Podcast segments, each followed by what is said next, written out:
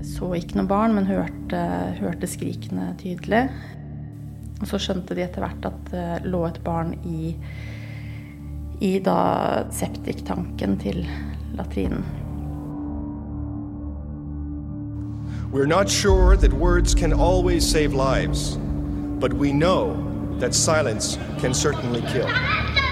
Please stay calm. It's very important to stay calm. Det er derfor vi andre må rope så jævlig høyt. But how are you? Can you hear me? Leger uten grenser. Det du ikke vet. Hjertelig velkommen til en ny episode av Det du ikke vet. Se for deg nabolaget ditt. Gata der du vokste opp. Der du spilte ball og fikk dine første venner. Der du gravde ned mystiske skatter på hemmelige steder. Du elsker dette nabolaget, og ingenting annet kan noensinne føles som hjemme. Men det er noen som mener at du ikke bør elske det. At du ikke hører hjemme der. At du ikke er noen ting verdt. Og de folka, det er faktisk militæret i landet ditt. En dag kommer de og setter hele landsbyen din i flammer. Du og familien rasker med dere det dere har, og løper for livet. Det gjør også 750 000 andre. Det er familier med babyer, gamle som ikke kan gå, store og små. På veien så ser du kjente ansikter.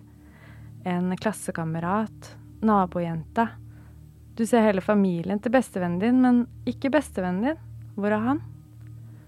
Dere flykter i over en uke, tar dere over et vann og kommer til et helt nytt land, Bangladesh. Dette er historien til mange mennesker fra folkegruppa rohingya. Og flukten jeg nå beskrev, startet 25.8.2017 i Myanmar, for akkurat fem år siden, da landets militære igangsatte den største målrettede voldskampanjen mot rohingyaene noensinne. Rohingyaene flyktet eh, til det som i dag er verdens aller største flyktningleir, i et område som heter Cox Bazar, og der bor fortsatt nesten én million rohingyaer i dag. Men ingen snakker om dem. For fem år siden så var det norske korrespondenter som dro ned og dekket det som skjedde, men så ble det gradvis helt stille. I studio her i dag så har vi derfor med oss eh, en lege som har jobbet i Cox Bazar, og hun skal fortelle oss det vi ikke vet. Så kjære Punit, hjertelig velkommen hit. Tusen takk. Hvordan går det, først og fremst? Det går bra.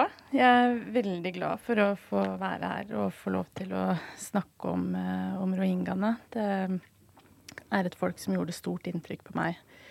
Deres, altså, både de som mennesker og det, historiene deres. Så um, det er viktig for meg å snakke om dem. Og du var jo der i, eh, eller i Cox Bazaar, da, som vi snakket om, eh, i 2018. Men før vi hører mer om hva du gjorde og, og, hva du opplevde der, så vil jeg bare at vi skal gå litt tilbake igjen til det som skjedde for eh, fem år siden. Mm. Hva var det som var da bakteppet for denne grusomme volden som eh, ble satt i gang?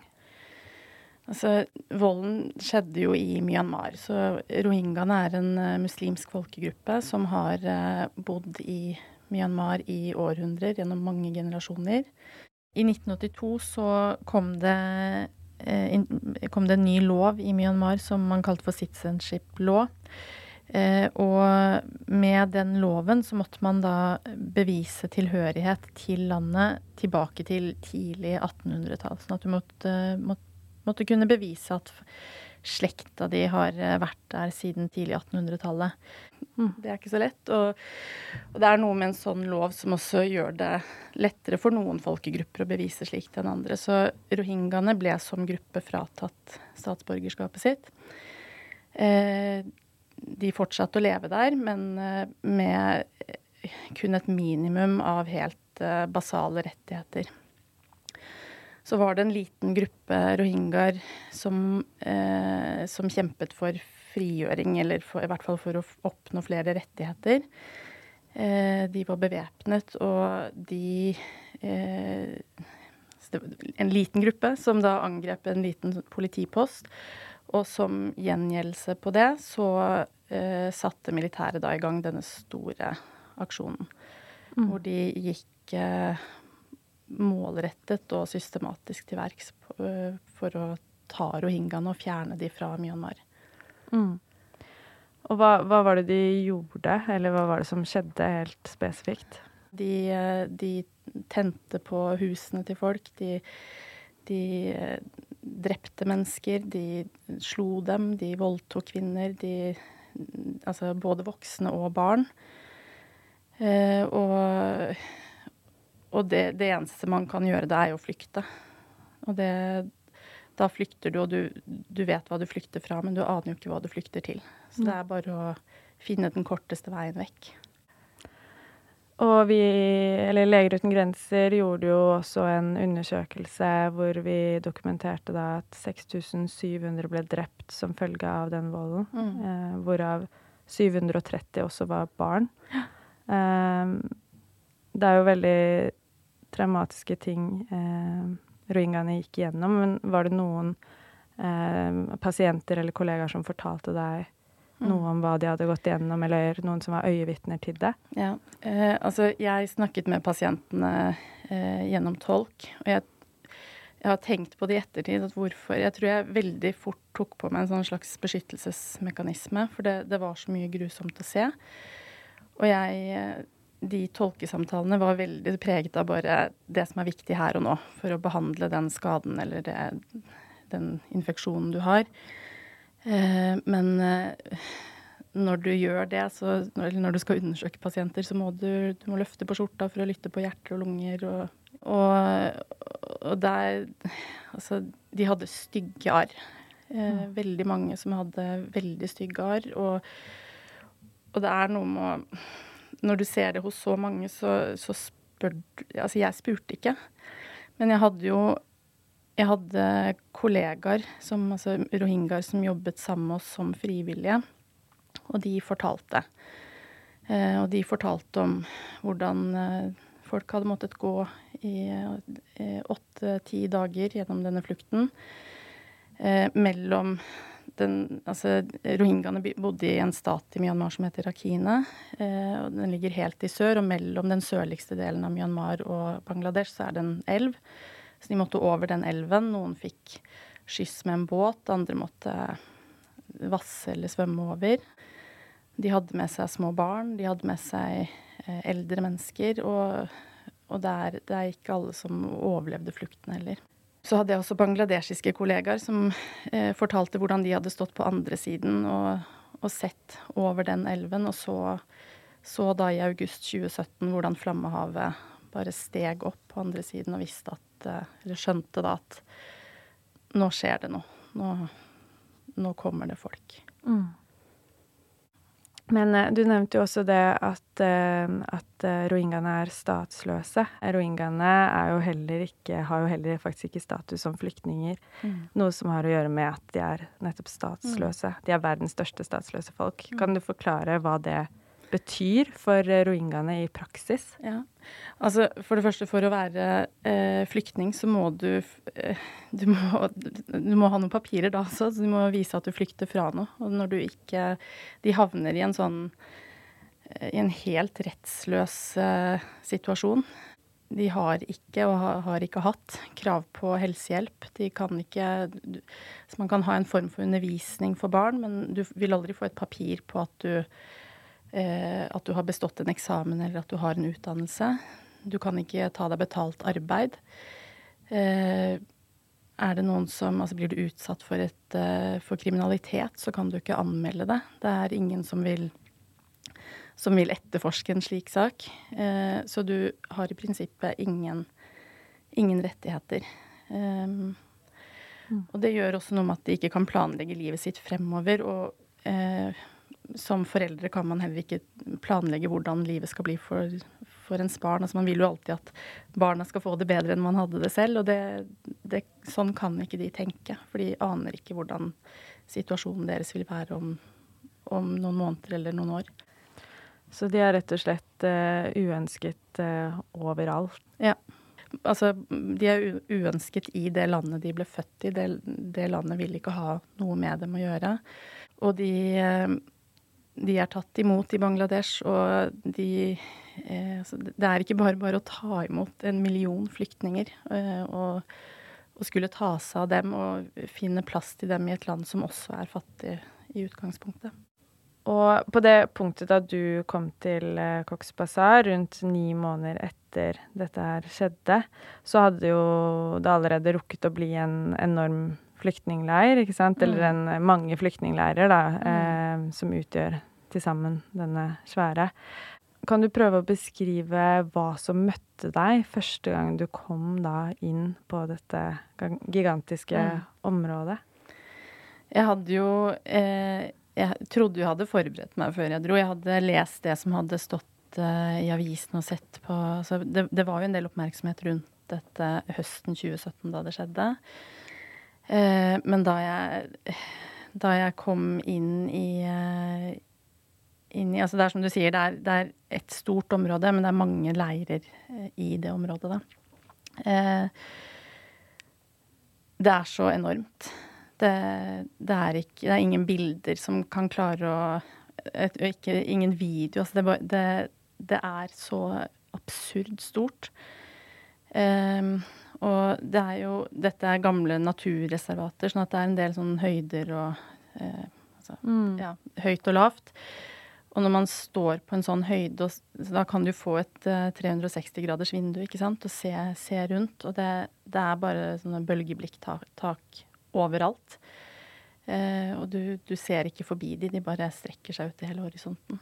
Mm. Så det, det, er kjempestort. Eh, og eh, det var jo Det var jo også veldig varmt. Eh, det var tørt og varmt da jeg kom dit. Og den, den varmen, den, den, gjør også noe med lukt når det er så mange mennesker som bor samlet et sted. Det var gjerne sant, i en familie 10-12-13-14 stykker som bodde på noen få kvadratmeter. De, disse hyttene var lagd av Veggene er lagd av bambus, og så er det et plastdekk gjerne mellom bambusstengene, og så er det noen bølgeblikk på, på, taket. Og alle husene er like, og det er like mange mennesker inni, inni hvert hus. Men det er som du sier, jeg kom ni måneder etter flukten, og de hadde Det var en slags organisering i det allerede da. Det var eh, Folk hadde laget til veier. Det var noen som hadde satt opp små butikker hvor de solgte Altså det var liksom kjøp og salg av eiendeler. Eh, noen solgte eh, produkter de hadde fått fra hjelpeorganisasjoner. altså det var gjerne sånn en uke er det en masseutdeling av solsikkeolje, og så er det to uker senere så er det masseutdeling av salt. Men det, det er begrensa hvor mye du trenger av hver av de tingene, så da, da er det liksom kjøp og bytte. Eh, og så fikk man kanskje noen få kroner til å kjøpe seg fersk fisk, f.eks. Mm. Så det var, det var, en slags organisering i det, i det hele så var det ting som fortsatt manglet da jeg kom, og fremdeles manglet da jeg dro. Og det så vi også på sykdommene vi behandlet, med at eh, det var ikke noen gode toalettfasiliteter. Eh, det var veldig få latriner. Altså veldig mange mennesker per latrine, da. Jeg vet ikke hvor mange det var, men sikkert 50-100 mennesker som delte én do.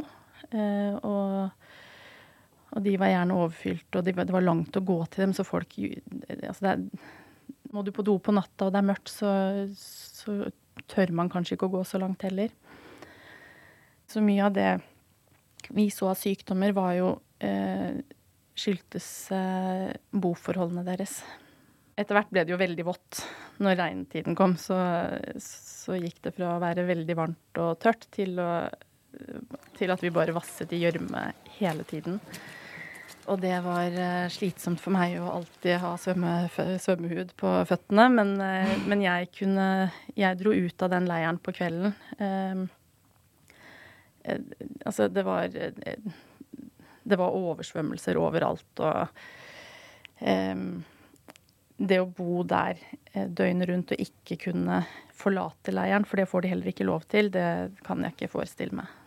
Ja, vi skal straks snakke mer om sykdommene som kommer også mm. av disse forholdene. Men eh, jeg kan jo også for, bare forestille meg hvordan det er, da, å eh, gå lange avstander i denne her gjørma for de som bor der. Altså eksempel, dere hadde vel mange pasienter også som, som eh, hadde gått langt, da, Mm. og som må ta seg gjennom det her, rett og slett, for å få legehjelp. Og ofte så er man syk. Mm. Eller da, Mm. det er en grunn til at man trenger helsehjelp. Så ja. Altså, jeg jobbet i to av disse leirene, og i den største av de to så bodde det 150 000 mennesker.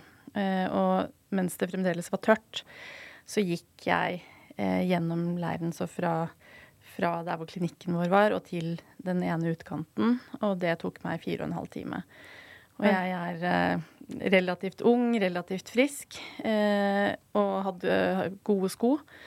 Men det, det var de strekningene folk måtte gå for å komme til oss. Eh, Så kunne de måtte gå kjempelangt. Benit, du, eh, vi må gå litt inn i den medisinske verdenen her, fordi du er jo lege. Indremedisiner. Kan du først fortelle hva, hva er det for noe? Eh, Det er en, en lege som, som jobber med å finne ut av altså, hva som feiler pasienter, i stor grad. Altså alt som har med hjerte, lunger, nyrer, infeksjoner, blodsykdommer. Og så å behandle det, da. Men ikke kirurgisk behandling. Det gjør ikke en indremedisiner. Mm. Og hva var det du da Hvordan brukte du det her eh, i Cox Bazaar? Det er noe helt annet å være lege med Leger uten grenser enn den jobben jeg gjør hjemme.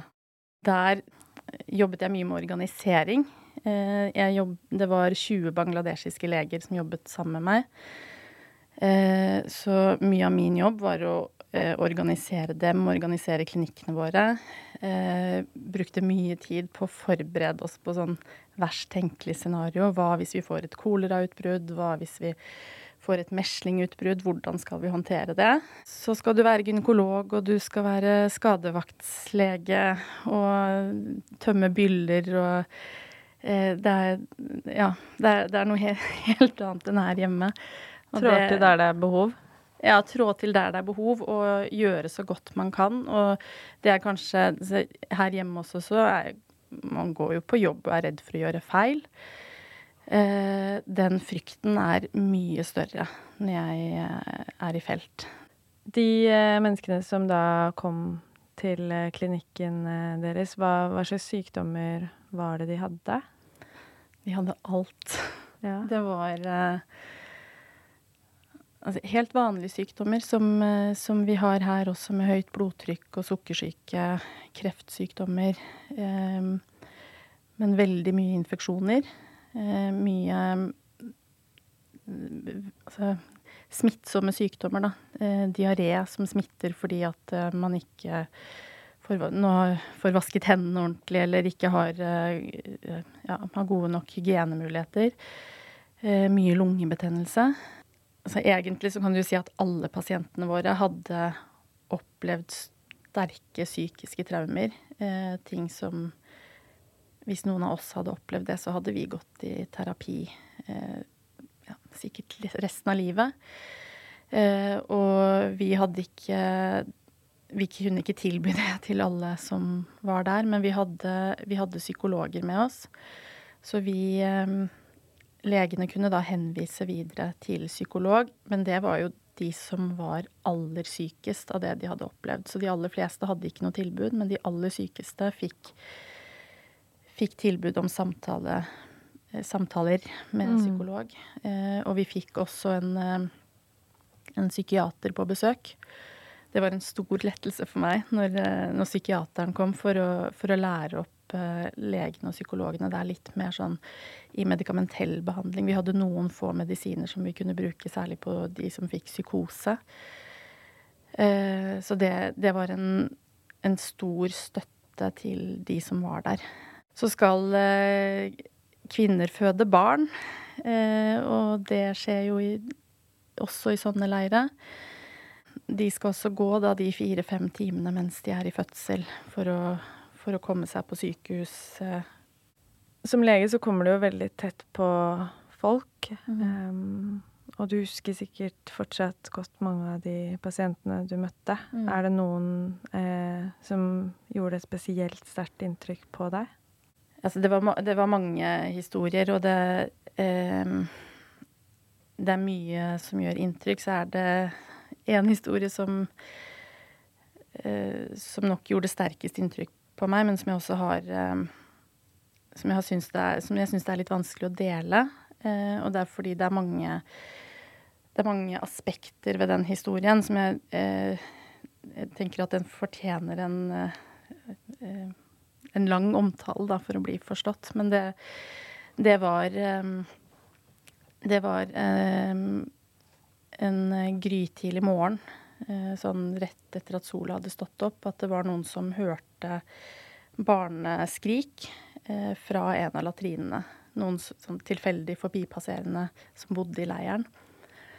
Eh, og de, hadde, de, gikk da inn i den latrinen. Eh, så ikke noe barn, men hørte, hørte skrikene tydelig. Eh, og så skjønte de etter hvert at det lå et barn i, i da den septiktanken til latrinen. Så de knuste latrinen og fikk ut barnet, eh, som da var eh, dekket med det som ligger i en sånn septiktank. Eh, og tok det med seg til klinikken. Um, og da han legen som var på vakta, han, um, han uh, fikk, fikk undersøkt barnet. Han fikk uh, vasket av det, men fant da ut at det var Det hadde alvorlig lav kroppstemperatur, dette barnet. så da ringte han for å spørre hvordan vi skulle håndtere det videre. Og det det er en sånn Altså, voksne mennesker som får uh, alvorlig hypotermi, da, som det heter, det, det, er noe man skal behandle med stor forsiktighet. Og det er veldig viktig at man varmer dem opp langsomt og kontrollert. Det er stor, uh, stor fare for skader på organer, og særlig hjerne. Um, og hvordan man gjør det med nyfødte, det aner ikke jeg. For jeg jobber vanligvis med voksne mennesker, og jeg vet ikke hvordan det er med så små barn. Så det ble en sånn situasjon da hvor man bare må eh, gjøre så godt man kan, og det eh, vi, vi, ga han antibiotika litt sånn på måfå, bare fordi han var født under så dårlige forhold, eller hadde ligget i så dårlige forhold, og vi fikk eh, han mannen som kom med barnet, han tok av seg tok av seg skjorta, og så la, la vi bar, eller de la barnet mot brystet hans. Det, det heter egentlig kengurumetoden. Det er egentlig at man eh, Det er sånn mor gjør med barn også, altså del, dele kroppstemperatur. Og varme opp barnet på den måten. Og så eh, fraktet vi han med barnet da til eh, en klinikk som er noen timer unna. Så han, denne fremmede mannen, tok dette barnet som han hadde plukket opp fra en masse drit eh, og, og, dro av gårde i en ambulanse, da. Eh, så tenker man jo at det er en forferdelig mor som gjør noe sånt, som har eh, født et barn og eh, han, han, hadde navlestrengen fortsatt. Den var liksom bare revet av helt eh, ytterst. Men vi ble veldig bekymra for moren eh, og, og prøvde å finne henne. Så da fikk vi, vi, vi hadde en del rohingyaer som vi samarbeidet med som frivillige, så de vi sendte ut dem for å lete etter henne. Liksom, er det noen som har hørt om noen som har gått gravid her? Um, og det gjorde de sånn veldig diskré. Det var uh, Dro de ut for å finne henne, og de fant henne. Um, og hun hadde jo gjort dette i desperasjon. Altså, det var et barn hun ikke ville ha. Uh, og ikke kunne ha. Og dette var måten hun hadde tenkt at hun kunne kvitte seg med det på. Um, og hun trengte også hjelp, ikke sant. Så, så, hun fikk psykologhjelp, og hun fikk hjelp av jordmødrene til, eh, til å reparere fødselsskader. Men det er um,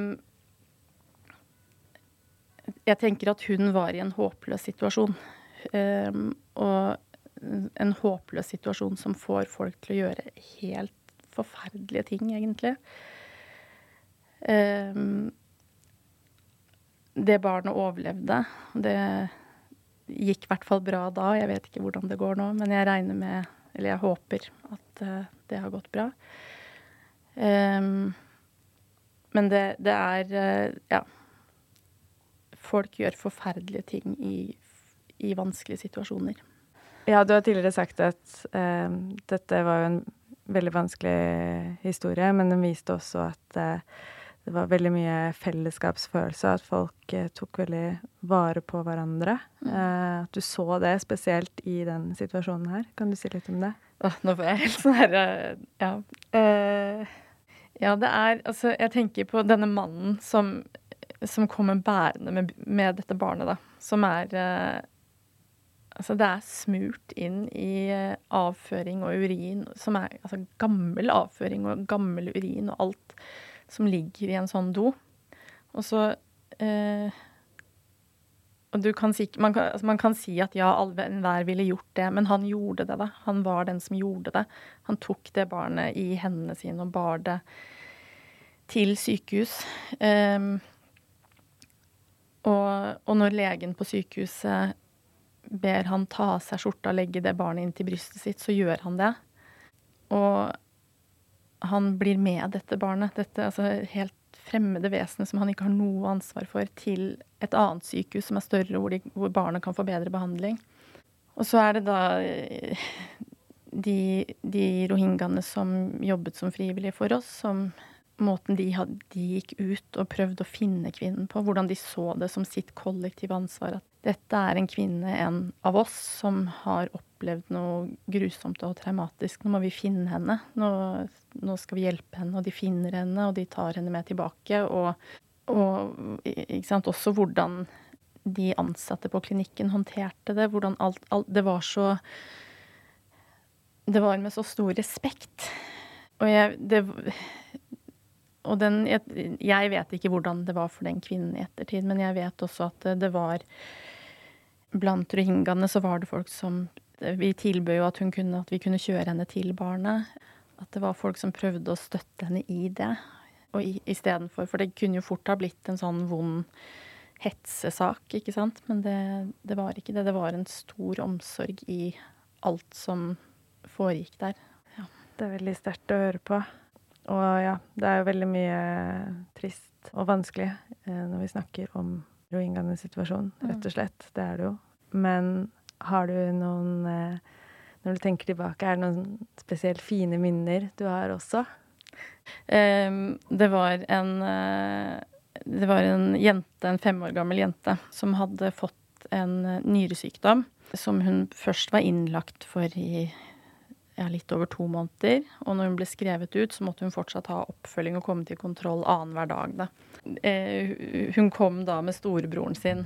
De gikk to timer hver dag for å komme til klinikken og for å bli veid og tatt blodtrykk av og justere medisiner opp og ned. Og det, hun var kjempeflink, og broren var flink, og de var veldig pliktoppfyllende.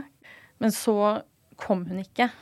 Eh, hun skulle komme til kontroll, og hele dagen gikk, og hun kom ikke. Og dette var den dagen det var id, som er den største høytiden for muslimer.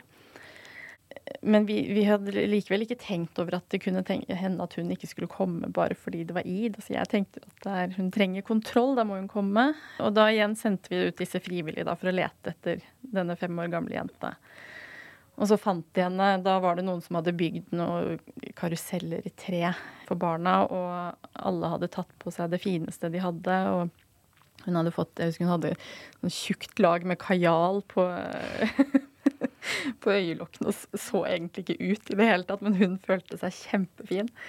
Og så kommer hun da til klinikken med, med en av disse frivillige og er så sur som jeg aldri har sett henne, fordi nå hadde vi jo dratt henne fra, fra lekeplassen der.